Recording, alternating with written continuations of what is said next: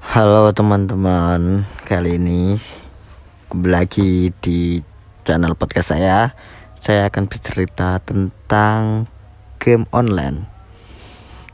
Kini banyak game online yang sudah mendunia, banyak turnamen-turnamen yang sudah dilakukan. Antara lain ada Mobile Legend, ada PUBG Mobile, ada Free Fire, ada AOV, ada Clash Royale, ada COC, dan game online tersebut banyak perwakilan dari Indonesia yang sering mendapat juara di ajang dunia nasional. Antara lain kemarin ada perwakilan dua itu dari RRQ Kiyoshi dan Arthur Rego di game Mobile Legends. Oke teman-teman ya. Lanjutnya ada di part 2.